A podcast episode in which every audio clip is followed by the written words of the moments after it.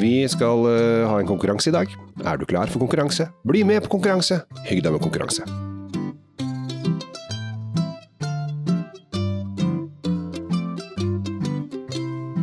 Ja, hei og hjertelig velkommen til dagens podkast. Her sitter da legenden Tom Omrati Løvaas og slaven Kjell Gabriel Henriks eh, rundt et bord, og vi har funnet ut at vi skal leke litt med vin. Eh, Jeg har en egen hashtag som eh, noen har fått med seg. Play with wine, eller leik med vin, som det heter på nynorsksk. Eh, I dag så har vi funnet ut at vi skal lure på om eh, rosévin er best i Italia eller i eh, Frankrike. Og vi har tatt en Provence, altså kongen av eh, rosévin, altså Frankrikes liksom hjerte. Har du lyst til å si noe? Nå blir du så ivrig. Eller skal jeg få lov å si mot da kongen av Piemonte? Vi er da eh, på Gattinara og Nervi. Ja, ikke sant. Nå, endelig. Nå, holdt du, lenge. Nå holdt du kjeft. Ja. Eh, Da må jeg få lov å skyte inn. Det er ikke så lett når jeg først eh, engasjerer meg. Det er vanskelig å komme inn. vi skal ha en, en liten landskap, eh, og vi fant jo ut at vi må gå til toppserien, serie A. Det skal vi. Når du kommer til roséviner, og det er klart at Provence har en egen standing i rosémiljø, mil- i rosékretser. Eh, Det har de alltid hatt. Det er jo Altså, det er jo eh, på en måte arnestedet til rosévin. Ja, av, av en eller annen grunn så er det der de har eh, de, Det er der de aldri slutta å lage rosé. De fortsatte for i gamle dager. Nå snakker vi tilbake i Skal jeg ikke engang si det der de, det folkeslaget fra midt i Italia som hadde en stor by og ja, som er, ja. Den gangen så var jo alt rosé. Ja, altså det, Det var, det, var, det var ikke noe som ikke var rosé. Man var, lærte jo ikke å lage ja, Så lenge man hadde rød drue, så lagde man rosé. Helt frem til 1750-tallet, for da, da lærte Bordeaux-folket å bruke tønner, og hvordan de skulle liksom få det mørkt. ja, skjønner forskjellen på rødt og hvitt. Og Ja. klarte, å- altså, så, så rosé er gammel, men, men i Provence så, så tviholdt de, de sta mennesker, de tviholdt på Vi er i Frankrike. Den rosa greia, ikke sant. Så, og heldigvis, fordi det er jo helt fantastiske roséviner vi finner i området der. Mm. Eh, Så jeg stiller da med den, eh, fransk, det franske laget, som er. La Suffrené, en millesmi 2019. Ja. Fra Bandol. Og Bandol er, en, er et fylke som ligger tja, eh, rett ved Provence-Alpes Côte d'Azur-regionen, eller rett oppafor Marseille. Rett og slett. Og det er helt riktig. Ja, sør, sørøst i Frankrike, hvis man lurer på hvor Marseille ligger. Opp mot Eiks. Det kan godt hende. Kan godt hende. Eh, jeg derimot har uh, steppa opp eh, gamet og gått til kanskje Hva skal man si?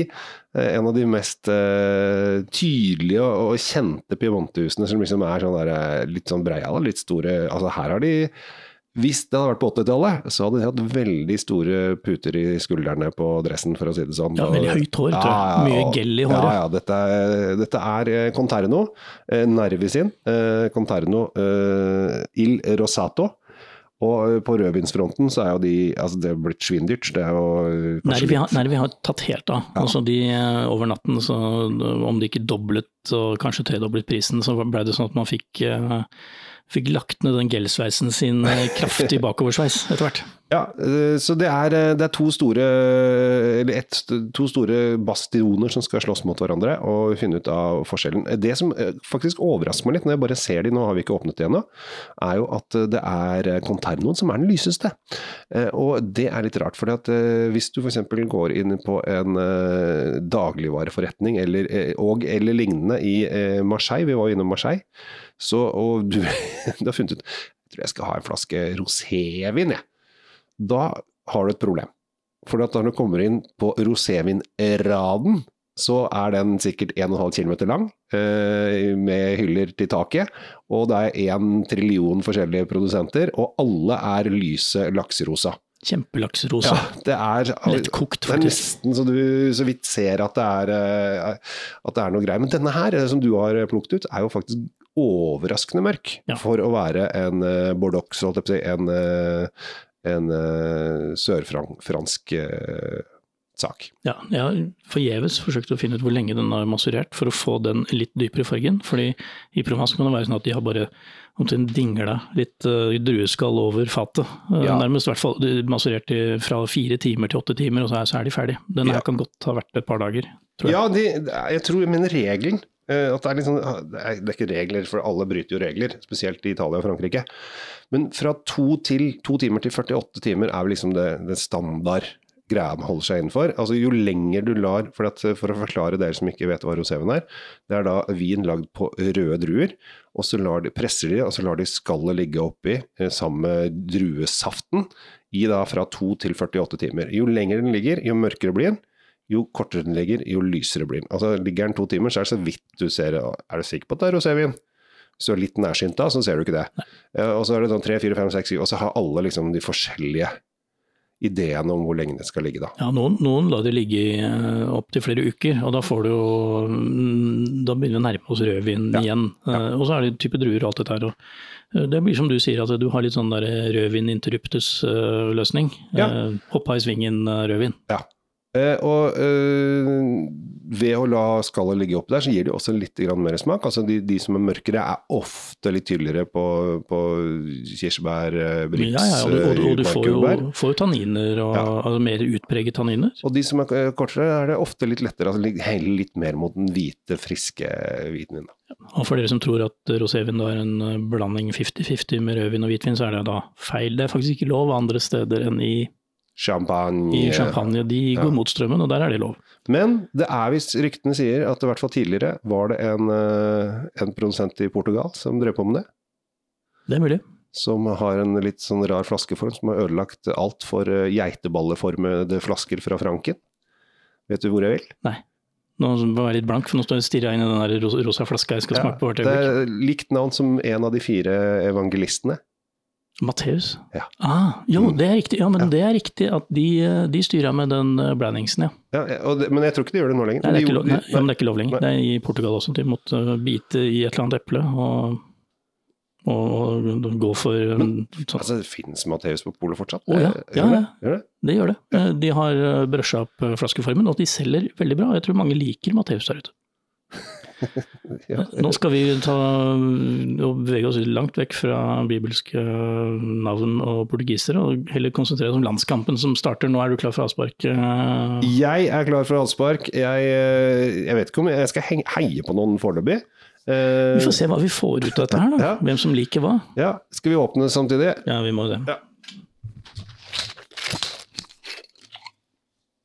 Ehm, vi, eh, vi har jo tatt med oss hver vår, og det var jo i og for seg helt eh, tilfeldig. Og så skal vi se Da begynner vi også med hver vår. Ja. Uh... Oi. Det jeg syns er digg med rosévin, er markjordbær. ja. Altså, Du først. Du, du har italieneren. Ja. Jeg syns at markjordbær, det må være i rosévin. Altså det er, det er en bankers. Eh, og eh, hvis den markjordbæren får lov å være litt tydelig, så blir jeg glad. For da har du Og den lukten av markjordbær den kommer ofte ganske fort. Og her syns jeg, på Conterno, så syns jeg den er ganske tydelig. Og med en gang blir det sommer. Skal ikke jeg smake på den, for nå har jo du vært så behjelpelig at du har helt over i Så jeg har to glass her, og så går jeg over til eh, franskmannen. På lukta så syns jeg det er eh, en del forskjell her. Det er, det er markant forskjell. Eh, Den, eh, din italiener, jeg er enig, det er markurubær. Det er Mm.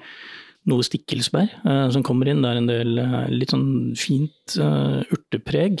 Og Mm. jeg vil Nå har jo jeg selvfølgelig vært i Gatinara, i området og gått og vassa rundt i disse Aldri vært her, du har aldri tatt med meg dit. Jeg synes det, Nei. Nå ble jeg fornærma, men Vi eh, får, vente, vi får vente etter, eh, etter dette her, så får vi dra. Men, eh, men jeg, jeg fornemmer da denne eh, helt spesielle atmosfæren som er i, i skyggen av Alpene, der, eh, der du går Og det det er litt sånn, sånn fjellaktige urter. mm. Men uh, Men, men vår franske venn ja. Har, har en mye dypere og mer seriøs uh, frukt, syns jeg. Den, den, jeg hadde forventa at den skulle være lettere og mer um, Den er mye mer krydra. Veldig. Ja, den er sånn tungkrydder, altså den er grønnkrydra. Den har grønnurter. Den har liksom gress... Uh, Gress... Og, og det, det er eh, urtene kommer før bærene, fordi her er det bringebær. mm, Sånn ordentlige hagebringebær som, som ligger bak som et teppe, og så en del sånne andre artige røde fruktinnslag. Men, men det er som du sier, er krydderet kommer først. Urtene kommer først. Mer urtete enn krydrete, kanskje. Ja. Og Mm. kjenner i munnen også. Den er Den har ikke den sommerfriskheten, den er mer på urte urtefeelingen, syns jeg. Litt, litt alvorlig preg. Den er, eh, det er tydelige tanniner her. Denne, denne har masurert uh, lenger enn fire timer, det kan vi bare slå fast med en gang. Ja. Den, den er, eh, denne har uh, fått mye ut av skallene. Mm. Den er, hadde jeg fått denne blindt, så hadde jeg faktisk tenkt på en veldig lett rødvin. uh, fremfor eh, Ja, her, eh, dette er Hellstrømfella. Har sett den, har fått den i svarte glass og ikke sett det, så kan det gå til Hell Hellstrømfella, som det nå hetes. Ja, at du ikke ser forskjell på rødt og hvitt Ja. på nesa. Ja, men det, vet du hva, jeg har gjort det noen ganger, og det er, det er, det er ikke så lett som folk skal ha det til. Uh, Det er dritlett å finne viner som du tror er eh, hvitvin og rødvin mot, og mot ja, og det hadde vært skikkelig kjipt altså, du kasta inn den her, og så hadde alle tatt feil. Ja, Rett for og det er ikke rødt eller hvitt, det er rosé. Ja. Mm.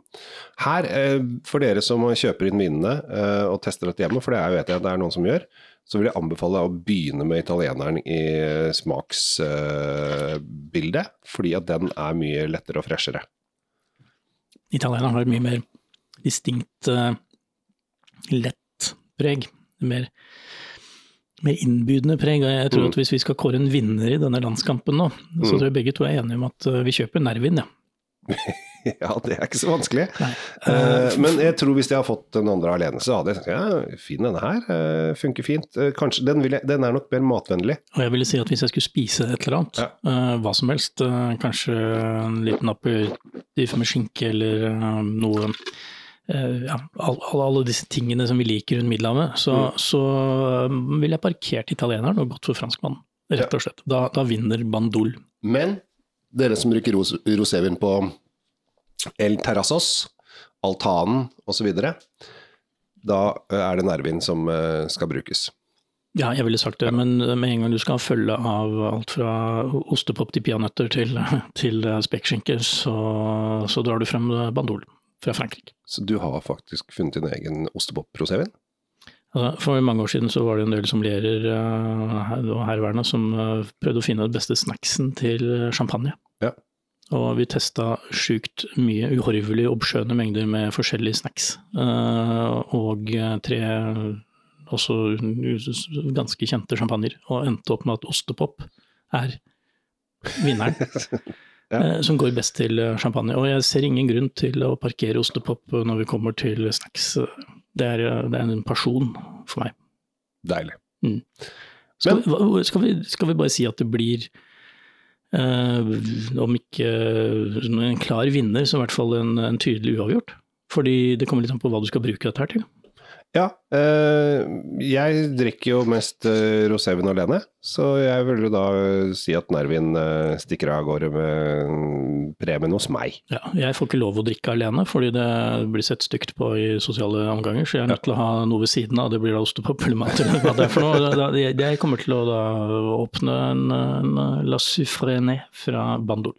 Det ser du. Hva koster vinen din? Har du funnet ut av det? Gudene vet. Jeg, da må vi skanne den. Vi har jo Vinmonopol-appen. Og det skannes. Min, da kan jeg fortelle at min koster 199 kroner. Punktum. Uh, mens da Og det er så bra med Vinmonopol-appen. Det er jo Når vi ikke vet ting, så kan vi bruke den. Ja, min uh, klokker inn på litt under der, så 185 uh, blank må du blø for, eh, for en eh, trivelig domain la Suffren. Det ser du. Da har vi snakket litt om rosévin. Dere har lært litt om hvordan det produseres. Dere har også lært at det ble ikke drukket rødvin før på 1750-tallet, og det kom på en måte sammen med den industrielle revolusjonen, om du vil. Eh, Og dere har faktisk eh, lært at eh, i gamle dager så drakk vi stort sett rosévin hvis man lagde vin på røde druer, og også lært at eneste sted i verden som man kan blande rødt og hvitt, er i champagne. De juksemakerne som holder på der. Du og faen, lager programmet på nytt igjen? Eller? Nei, jeg, bare, vi har en, jeg driver med recap. eh, Og bare, altså, av og til så sitter folk og hører på disse disse podkastene våre, og så glemmer de alt de har lært. Og da tenkte jeg det kan være fint å fortelle dem hva de har lært. Det dere også kan lære, er å følge oss på Drinkfeed. Og, Og på Kjell Svinkjeller. Ja. Og med det så håper vi at sommeren snart kommer.